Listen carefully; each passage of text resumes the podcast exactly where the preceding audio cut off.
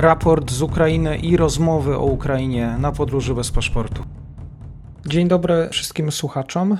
Dzisiaj moim gościem jest pan dr Tomasz Lachowski, obserwator międzynarodowy portal oraz Uniwersytet Łódzki. Dzień dobry. Dzień dobry. Rozmawiamy o trudnych tematach, bo docierają do nas codziennie informacje o skali zbrodni, o skali okrucieństwa, które dokonuje się właśnie na wschodzie, na Ukrainie. W przestrzeni medialnej może mogliśmy się zapoznać z wieloma materiałami, które wskazują na ogromne cierpienie Ukraińców. E, gdybym mógł poprosić pana doktora o taki może ciężko tu podsumowywać, ale powiedzieć, przybliżyć słuchaczom e, właśnie, e, czego dopuszczają się dzisiaj Rosjanie, a co właśnie wzbudza krytykę opinii międzynarodowej.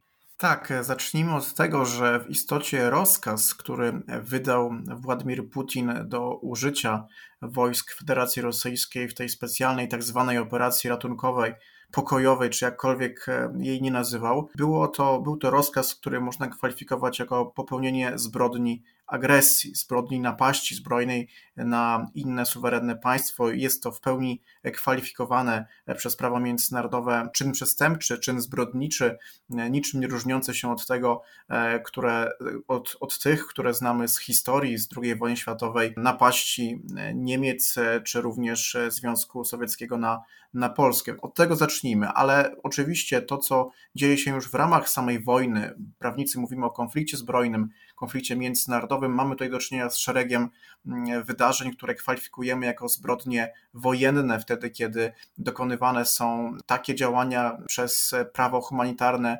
zabronione, jak na przykład używanie, używanie zabronionej broni, uzbrojenia przez właśnie prawo humanitarne. W, w tym przypadku chociażby wiemy o ostrzale Czernichowa z amunicji kasetowej, która jest właśnie zabroniona.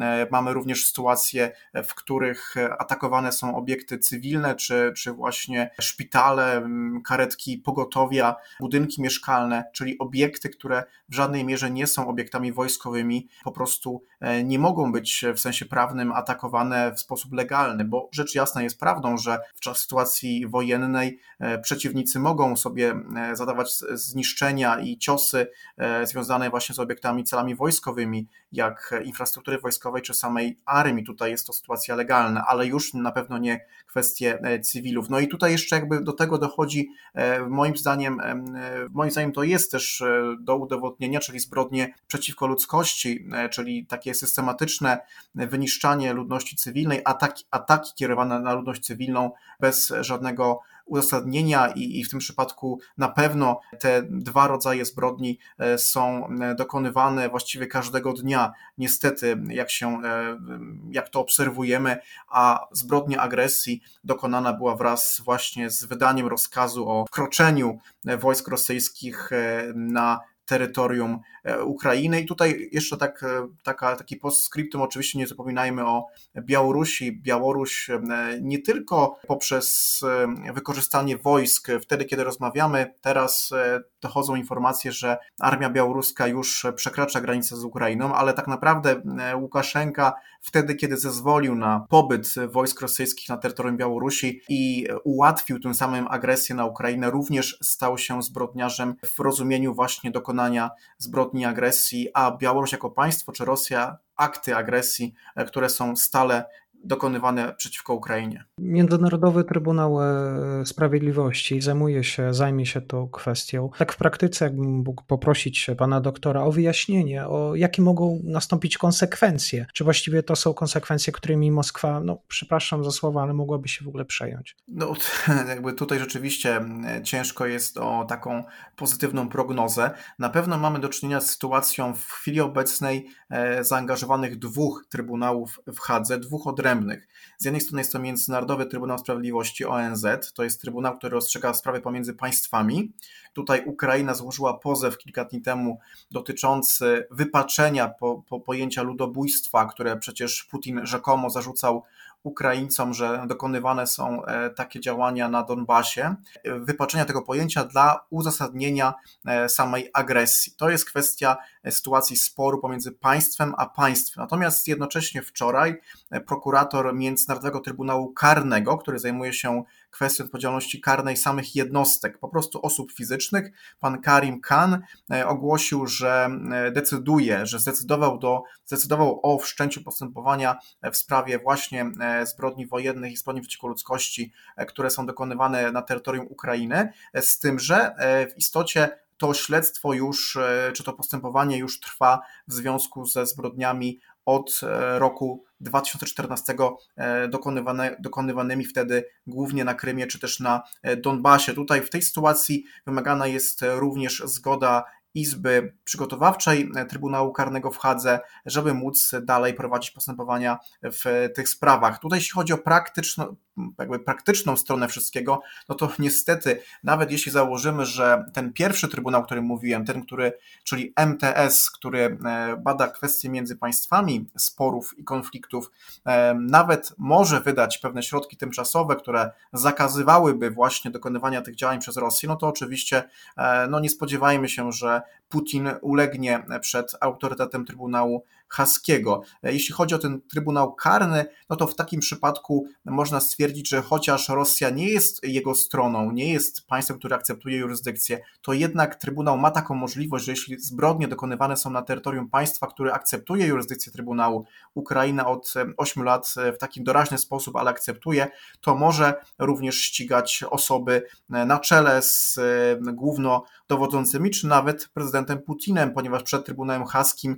immunitety nie obowiązują, one nie są, nie są, nie są tutaj ważne, więc jakby z perspektywy tych działań są to bardzo ważne działania, ponieważ jest to presja, jest to kolejny, kolejny instrument, natomiast no, nie spodziewajmy się, że to się stanie w przeciągu e, kilku tygodni, miesięcy, raczej kilku lat, więc, więc to działanie oczywiście nie może być traktowane w kategoriach takiego game changera, ale z pewnością jest kolejnym elementem, który pomaga e, społeczności międzynarodowej, samej Ukrainie, no, jakoś tam stawiać opór właśnie Rosjanom. To może Ukraińcy mogliby się zdecydować na utworzenie własnej komisji, własnego organu, który mógłby właśnie opisywać e, i opracowywać e, właśnie skalę tych zbrodni. Tak, właśnie dzisiaj mm, w godzinach porannych widziałem komunikat ze strony ministra obrony narodowej Ukrainy Oleksija Reznikowa, który właśnie stwierdził, że przede wszystkim, ponieważ jak do tej pory to głównie Charków jest takim miastem, e, które no najwięcej ucierpiało już i cały czas e, te zbrodnie wojenne, zbrodnie przeciwko ludzkości są tam dokonywane. Właśnie jak mówiłem wcześniej, używanie również broni przez prawo międzynarodowe zabronionej. I rzeczywiście taki pomysł Trybunału dla Charkowa, takiego specjalnego wojskowego powstał. I tutaj ukraińscy prawnicy, dzisiaj śledziłem również media społecznościowe, również zaangażowani e, Ministerstw Sprawiedliwości, zwłaszcza jakby ten pomysł mocno wspierają zachęcają już do wysyłania na taki adres mailowy, który można znaleźć na stronach właśnie e, czy to Ministerstwa Obrony, czy Ministerstwa Sprawiedliwości, czy po prostu na kontach twitterowych tych najważniejszych organów. Wysyłanie właśnie zdjęć, filmików e, z momentów ostrzałów, jak najwięcej dowodów, żeby po prostu dokumentować to wszystko, co się odbywa. Tutaj e, Trybunał, który byłby Trybunałem czysto krajowym, na pewno byłby no, dużo szybszy w swoim działaniu. Tak naprawdę w, również Ukraina jest na swoim terytorium, więc wszystkie działania niezgodne z prawem może w pełni w swojej jurysdykcji badać i osądzić w późniejszym okresie, więc jakby ten pomysł tutaj jest oczywiście dobry, natomiast no, najlepsza forma to jednak jest jakieś umiędzynarodowienie również samego Trybunału. To na pewno powoduje, że wówczas świat na przykład no, nie jest zaangażowany przez tydzień czy dwa, ale przez wiele lat prawda, trwania takich procesów ma swoich sędziów, prokuratorów, którzy również działają w, w tym systemie ukraińskim, w takim hybrydowym systemie międzynarodowo-ukraińskim. Więc jakby tutaj pomysł e, pana ministra e, na pewno warty uwagi. Ma, ma też sporo plusów względem trybunałów międzynarodowych, ale również e, kilka minusów, właśnie choćby taki, że Ukraina robi, robić to wtedy będzie sama, więc tutaj otworzyłbym się właśnie na współpracę międzynarodową. Są takie przypadki w historii, chociażby trybunały dla Sierra Leone, dla na przykład Kosowa, czy, czy taka specjalna izba w Bośni i Hercegowinie, która właśnie łączyła element międzynarodowy i krajowy.